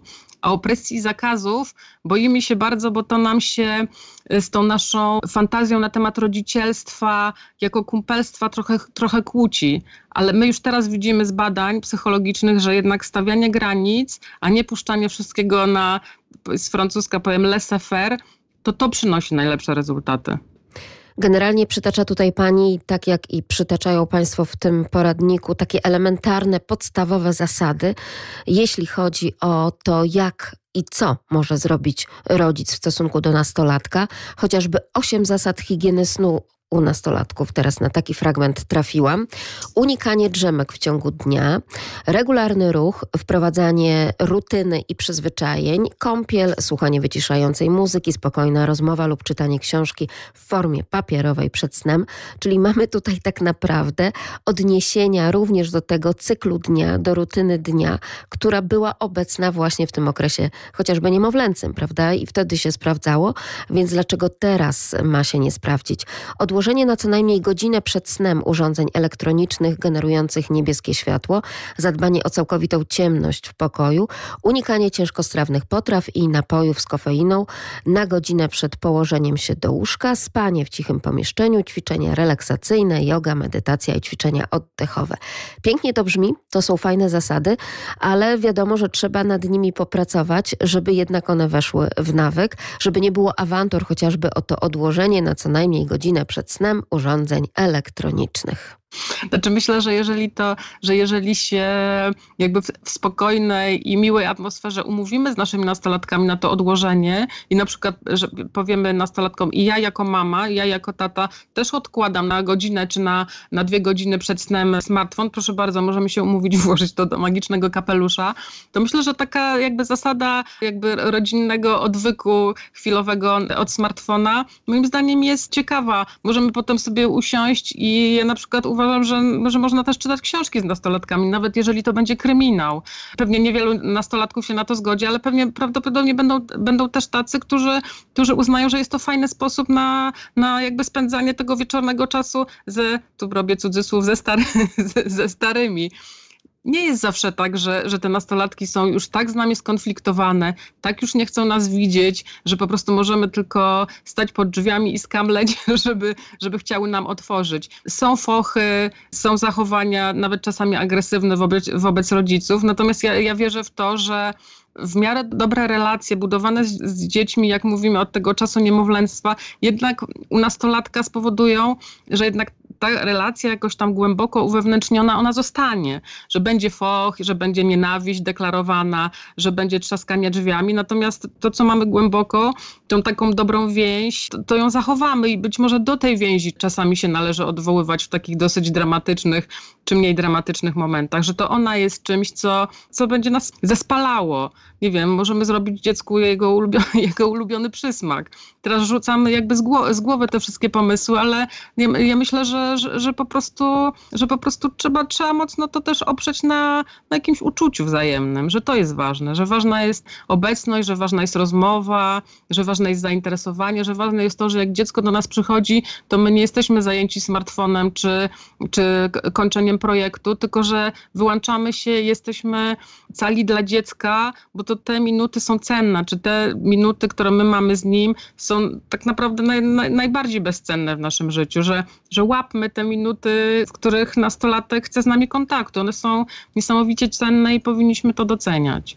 Co więcej, także to przebija również z Państwa poradnika, nie należy się poddawać, to znaczy rodzic nie powinien się poddawać. Rzeczywiście dzień w dzień powinien pukać do tych drzwi pokoju owego nastolatka czy nastolatki i próbować szukać e, na nowo tego kontaktu, zwłaszcza, że te dzieci tak szybko jednak zapominają tę awanturę sprzed tygodnia czy sprzed dwóch, prawda, bo żyją już zupełnie innymi również emocjami, więc tutaj też nie należy się poddawać, prawda? My mówimy w tej książce, że nastolatki mają taką właściwość, że idą spać grzeczne, a budzą się w furii, albo odwrotnie, chodzą spać w furii, a budzą się następnego dnia grzeczne, więc e, grzeczne czy spokojne. Więc jakby zaciśnijmy zęby trochę i po prostu nie zważając na czasami niezbyt e, miłe kontakty czy, czy awantury, po prostu jednak pukajmy do tego dziecka. To jest nasze dziecko, to jest ten fajny bobas, ten niemowlak, nad którym się rozkwilaliśmy i mieliśmy takie wielkie plany i teraz mamy kogoś e, to jest u progu życia, który się mierzy z różnymi rzeczami w swojej głowie, w swoim ciele. I my jesteśmy taką opoką, która ma mu opowiedzieć o świecie, ma go przed tym światem trochę ochronić, ale też ma go wypuścić w ten świat, żeby sobie radził. I to my jesteśmy od tego, żeby on się z nami zderzył, żeby trochę się na nas wytrenował, żeby potem zbudował tą osobowość już jakby na zewnątrz, na zewnątrz tego domu, w którym go wychowujemy. Żeby jednak nie stanął na tej metaforycznej z Państwa tytułu krawędzi. Krawędzi. A ta krawędź, proszę mi powiedzieć, proszę rozwinąć tę metaforę. Czy to Państwa zdaniem jest depresja, samookaleczanie się, próby samobójcze i w konsekwencji także samobójstwa, czyli te wszystkie tematy, które w ostatnich latach, po ostatnich badaniach tak naprawdę zmroziły rodziców w Polsce, wychowawców i opiekunów, ponieważ to właśnie w tych badaniach wyszło, że polskie dzieci najczęściej podejmują próby samobójcze. To tutaj mamy tych najwięcej problemów, jeśli chodzi o całą Europę. Mhm. Myślę, że ta krawędź to jest właściwie wszystko, ale myślę, że ta krawędź to też jest taka, ja to rozumiem trochę jako nieumyślną chyba, nie, nieumyślne tutaj biorę cudzysłów, ale może nawet nie powinnam wziąć w cudzysłów, znaczy umyślne lub nieumyślne zaniedbanie jednak nastoletnich dzieci przez dorosłych. To znaczy my jakby deklaratywnie zapewniamy im, mówię na przykład, nie wiem, mówię teraz o dużych miastach, o tak zwanej klasie średniej, znaczy zapewniamy tym nastolatkom komfort życia, wciąż wysyłamy je jednak na te niezliczone dodatkowe zajęcia, które miałam nadzieję, że już się skończyły, ale nadal, znaczy, że, że deklaratywnie deklaratywnie te dzieci mają wszystko. Natomiast one nie mają, i to mówią o tym wszyscy psychologowie, że oni nie ma, one nie mają naszej uwagi i naszego czasu. I jakby na usprawiedliwienie rodziców można powiedzieć, że kto może mieć czas dla dziecka w, w tej gonitwie pracowo jakieś tam. I ja, znaczy ja jakby to rozumiem. Natomiast musimy się liczyć z tym, że takie będą właśnie konsekwencje. To znaczy, że, że wrzucanie dzieci w świat wirtualny, wrzucanie dziewczynek w świat wirtualny, w którym nie, nie daje się intymności jakby wzrastania, nieustannie się je ocenia, a z drugiej strony brakuje tej mądrej rodzicielskiej opieki. W szkołach, jak wiemy, bywa różnie. Nie wszyscy nauczyciele chcą współpracować na przykład z dzieckiem, które ma depresję, nie wszyscy, nie wszyscy potrafią się nad tym pochylić. W szkole bywa różnie i tak naprawdę z tej całej kafeterii różnych rzeczy deklaratywnych, że my chcemy dla dzieci dobrze, że, że my na nie uważamy, że chcemy, żeby kończyły najlepsze szkoły, widzimy takiego samotnego człowieka, samotną dziewczynkę czy samotnego chłopaka, który stoi i trochę nie wie, na czym ma się oprzeć. I tak się kiwa sobie na tej naszej krawędzi, o której piszemy, i właściwie nie wie, co ma ze sobą z, e, zrobić. Jesteśmy w dosyć newralgicznym teraz momencie. To znaczy, jesteśmy w, w momencie takim, w którym nie powiem, że ważą się losy tych nastolatków, bo pewnie nie, ale to jest taki moment, w którym powinno nastąpić lekkie oprzytomnienie pojawiają się głosy, to a propos jeszcze mediów społecznościowych, pojawiają się głosy takie, ja jestem admiratorką w ogóle tego rozwiązania, chociaż wiem, że ono jest nierealne, żeby dawać dzieciom smartfony od 18 roku życia. I rzeczywiście ma to podstawy naukowe, ponieważ dzieci się absolutnie szybko, behawioralnie uzależniają od smartfonów. Piszemy o tym w książce. Obcowanie ze smartfonem jest tak dużą przyjemnością, że to po prostu można porównać do zwykłego behawioralnego uzależnienia od alkoholu, narkotyków czy papierosów. Są już badania na to, że w jednej ze szkół w Hiszpanii niedawno zabroniono i nauczycielom, i dzieciom, i nawet rodzicom używania smartfonów w szkole. Co się wydarzyło? Wydarzyło się to, że nagle spadła kompletnie liczba awantur, wykroczeń z, z, powodu niewłaściwego e, używania smartfonów, że nagle ta rzeczywistość stała się oldschoolowa, bezpieczniejsza, mniej agresywna. Ja uważam, że internet i smartfon też może być dobrym narzędziem. Na smartfonie można się uczyć angielskiego, można się komunikować z całym światem, można się y, komunikować z, z, grupą rówieśniczą, natomiast on zwykle często służy niestety do, do takich dosyć destrukcyjnych zachowań, jak choćby to nieszczęsne TikTokowanie. I moim zdaniem tutaj musi nastąpić jakaś, żeby te dzieci z tej krawędzi wycofać, musi nastąpić jakaś mądra refleksja dorosłych to ograniczenie smartfonów jest tylko jednym z przykładów, ale ja uważam, że wrzuciliśmy trochę dzieci w świat ten wirtualny, nieograniczony i nieskończony, w świat, w którym my sami też nie do końca umiemy się zachować i wymagamy od nich takiej dojrzałości, żeby one sobie ten świat ułożyły, żeby one sobie um, umiały go dozować. To się nie stanie. Znaczy nie stanie się tak, że żaden 12, 13, 10, 11 latek nie nauczy się sam z siebie korzystać racjonalnie ze smartfona, ponieważ to jest niemożliwe. To jest pojazd za jego zasięgiem i to rodzic musi to kontrolować. Więc rozsądna refleksja dorosłych nad tym, jaki świat zafundowaliśmy swoim dzieciom. Z części się nie wycofamy, ale część zachowań my możemy kontrolować i część zachowań możemy, możemy z nich zrobić takie, które będą bardziej korzystne dla naszych dzieci niż, niż destrukcyjne. I wtedy ta krawędź, mam nadzieję, zniknie. Ale uważam, że trudno jest dzisiaj nastolatkom. Znaczy, trudno jest bez mądrych dorosłych, bez przewodników, trudno jest też być im z rodzicami takimi kumplami, którzy y, nie umieją stawiać, tak jak już powiedziałam, którzy nie umieją ustawiać rozsądnych granic. Więc to jest dla mnie ta krawędź. Ta krawędź jest jest tymi fantazmatycznymi oczekiwaniami rodziców wobec swoich tak naprawdę bardzo samotnych dzieci. Niesamowitą rzecz pani powiedziała. Od 18 roku życia, nie od 8, tak? W dłoń ten smartfon. Wiem, że to rewolucyjne. Ale może właśnie to byłaby ta dobra droga, tak naprawdę. Kto wie, kto wie. Kwestie związane właśnie z depresją, samookaleczaniem się, samobójstwami.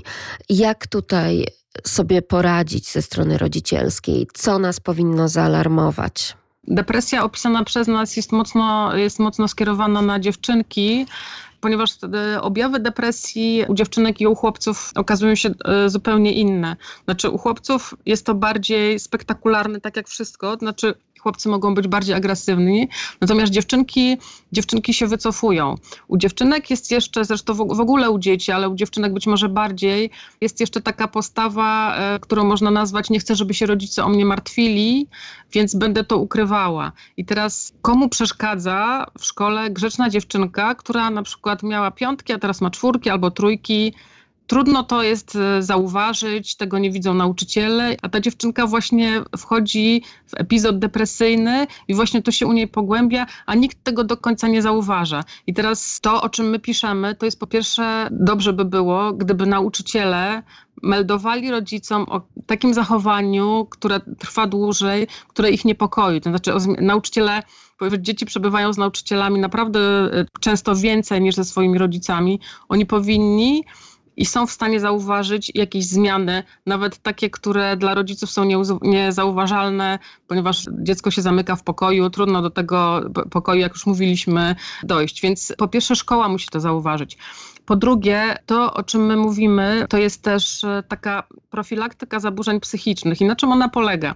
Ona polega na tym, że sporo depresji jest tylko jakby końcowym efektem, znaczy właściwie objawem zaburzeń neurologicznych, na przykład ADHD czy spektrum autyzmu.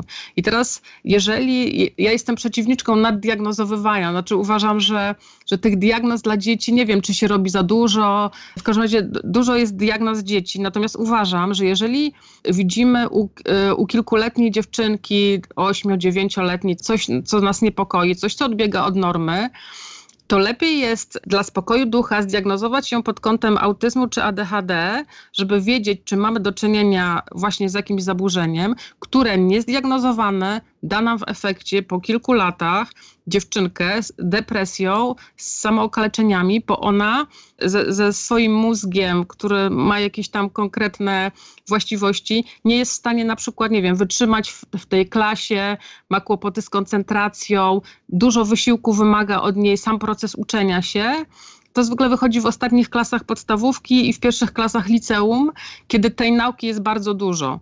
I wtedy ta depresja może wybuchnąć, natomiast ona jest owocem tego, że my nie wiemy do końca, co siedzi w głowie tej dziewczynki. Znaczy nie wiemy, czy ona jest w spektrum, czy ona ma ADHD, czy może ma jeszcze coś innego, może ma lęk społeczny.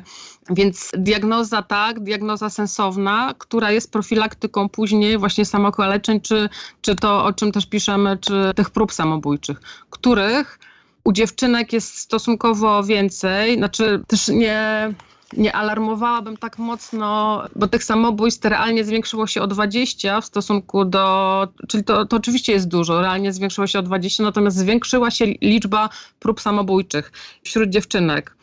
I ta zwiększona liczba prób samobójczych, no to jest właśnie ta krawędź. To jest to, o czym mówiliśmy. Czyli to jest dla nas, dorosłych, pytanie, co dziewczynki chcą nam powiedzieć, usiłując odebrać sobie życie. I one właśnie mówią to, o czym my piszemy w tej, w tej książce, że są samotne, że są obarczone obowiązkami, że są niezrozumiałe przez rodziców. Mówią nam to wszystko, dokonując właśnie tej próby samobójczej, że, że są przeciążone, chciały kilka razy porozmawiać z rodzicami i akurat trafiały na moment, kiedy oni nie mieli czasu. Więc w tych próbach samobójczych też szukałabym y, odpowiedzi na pytania, jaki świat stworzyliśmy naszym dzieciom, że one demonstrują nam to, popatrzcie rodzice, zwróćcie na mnie uwagę ten wzrost liczby prób samobójczych jest bardzo alarmujący. Dobrze, że one się nie kończą powodzeniem, tu mówię w cudzysłowie, dobrze, że one się nie kończą śmiercią, bo czasami one są zwykłą po prostu próbą zwrócenia na siebie uwagi. Znaczy to jest poważne, znaczy to jest poważna próba zwrócenia na, na, na siebie uwagi, czyli rodzic ma się wycofać i ma zapytać siebie, dlaczego do tego doszło, i jego zadaniem jest odpowiedź sobie na, odpowiedź sobie na to pytanie, ale też zmiana korekta systemu rodzinnego, czyli to, z czym zaczynałyśmy tę rozmowę, czyli terapia rodzinna. Dużo mówimy o rodzinie, dużo mówimy chociażby o tej wspomnianej przed chwilką terapii rodzinnej, ale od wielu, wielu lat tak naprawdę okres nastoletni kojarzył się z takim odejściem od autorytetu rodzica, a przejściem ku stronie rówieśniczej. Kwestia przejścia na, na to, co dobrego i złego mają do powiedzenia rówieśnicy, staje się dla nastolatka i nastolatki, może nawet właśnie bardziej, czyli dziewczynki, znacząca. Czyli nie mama, nie tata, nie wychowawca, nie ktoś starszy, a rówieśnicy tutaj ten wiodą prym. I to jest wspaniałe, to znaczy to jest doskonałe, to jest rozwojowe. To znaczy to, ja mówię o, o tej terapii rodzinnej w tym sensie, że to, terapia rodzinna ma nie polegać na tym, że teraz wszyscy się zamkniemy i będziemy tylko rozmawiać ze sobą i nikt y, z zewnątrz y, nam nie może dać nam żadnego sygnału, bo my musimy to. Znaczy terapia rodzinna nie wyklucza tego, że dziecko powinno mieć spore, znaczy powinno mieć kontakt z rówieśnikami. To jest absolutnie niezbędne. Widzę, jaki kłopot mają na przykład rodzice jedynaków czy jedynaczek, oni muszą im organizować zajęcia z rówieśnikami. Dlaczego tak się dzieje? Dlatego, że dziecko naturalnie przestało szukać już kontaktów z rówieśnikami, ponieważ ma te kontakty w sieci, znaczy ma te kontakty w świecie wirtualnym i to też jest bardzo groźne, bo widzimy bardzo duży odpływ także dziewczynek, które mają ogromną potrzebę kontaktów społecznych i y, najbardziej im na tym zależy. One inaczej je budują niż chłopcy, inaczej się w tych relacjach zachowują, ale one odpływają właśnie w internet. Zamiast iść na spacer do kina z rówieśniczkami, wchodzą w kontakty internetowe. Ja uważam, że bardzo mocną rolą rodziców jest to, nie mówię, żeby odciągać dzieci, ale żeby, zaproponować im rozsądną i ciekawą alternatywę w świecie realnym, w kontaktach z rówieśnikami. Znaczy bez tego, bez, bez zanegowania w jakiś sposób roli rodziców, bez zanegowania ich i bez odpłynięcia w stronę rówieśników, my nie mamy zdrowego dziecka. Znaczy symbioza z rodzicami i odrzucenie kontaktów społecznych, no właśnie nadaje się na terapię. To znaczy my musimy dzieci wypuścić, musimy się cieszyć, że one wychodzą z domu i kontaktują się, mam nadzieję, że w, do, w dobrym towarzystwie, tu też biorę w cudzysłów, bo towarzystwa są różne, ale tak, wypychajmy dzieci, odciągajmy je od rzeczywistości wirtualnej w stronę realnych zajęć. Niech to będzie harcerstwo, basen, wycieczki, kino, cokolwiek, byle to nie było tylko siedzenie ze smartfonem czy siedzenie w grach komputerowych. Krystyno, czy zajmując się tym tematem wraz z paniami doktor, e, których tutaj już e, również osoby były przytaczane, przypomnę tylko, że rozmawiamy o książce Nastolatki na krawędzi, czego nie wiecie o problemach swoich córek. Czy zauważyli Państwo także pracując nad tym tematem nastoletnich dziewcząt, kwestie związane z tym takim, nie wiem, nazywa się to teraz też tak nawet medialnie, etap postpandemiczny, czyli szczęśliwie rozmawiamy rozmawiamy w 2023 roku. Jesteśmy już tak trzy lata tak, po pandemii, tak. ale tak naprawdę czy jej skutki tego zamknięcia, akurat właśnie tej grupy, tak? Znaczy pierwsza grupa, która najbardziej była izolowana to seniorzy, a druga to właśnie dzieci i młodzież. Czy również tutaj skutki tego Państwo zauważają? Negatywne skutki właśnie tej izolacji od y, kontaktów towarzyskich, bo szkoła to przecież nie tylko nauka, nauczyciele i stanie przy tablicy, nawet jeżeli jest to nowoczesna wirtualna tablica, ale przede wszystkim te kontakty rówieśnicze i ta nauka życia w towarzystwie, tak, w społeczności po prostu. Czy to tutaj zaszwankowało, bo podała Pani przykład rodziców, którzy mają jedynaka czy jedynaczkę. Czy tutaj jakieś już sygnały, badania powstają, czy to Pani śledzi jako dziennikarka?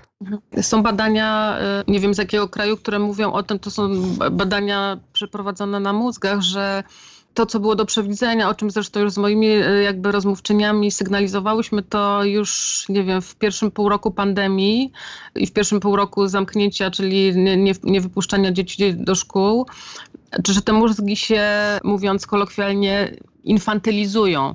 To znaczy te dzieci zamknięte przez dwa lata nie nabrały takich e, umiejętności społecznych, jakich by nabrały, gdyby w tej szkole były. Czyli de facto cofnęły się o dwa lata są mniej dojrzałe społecznie, znaczy nie nabrały w kontaktach z rówieśnikami, nie wiem, w różnych zdarzeniach, które się nie wydarzyły, w przyjaźniach, które się nie nawiązały, spowodowało, że ich mózgi się wycofały, znaczy te, że, że ten rozwój się, się wycofał, że nie przepracowały tej liczby kontaktów społecznych i wydarzeń, które by przepracowały, gdyby one się wydarzyły.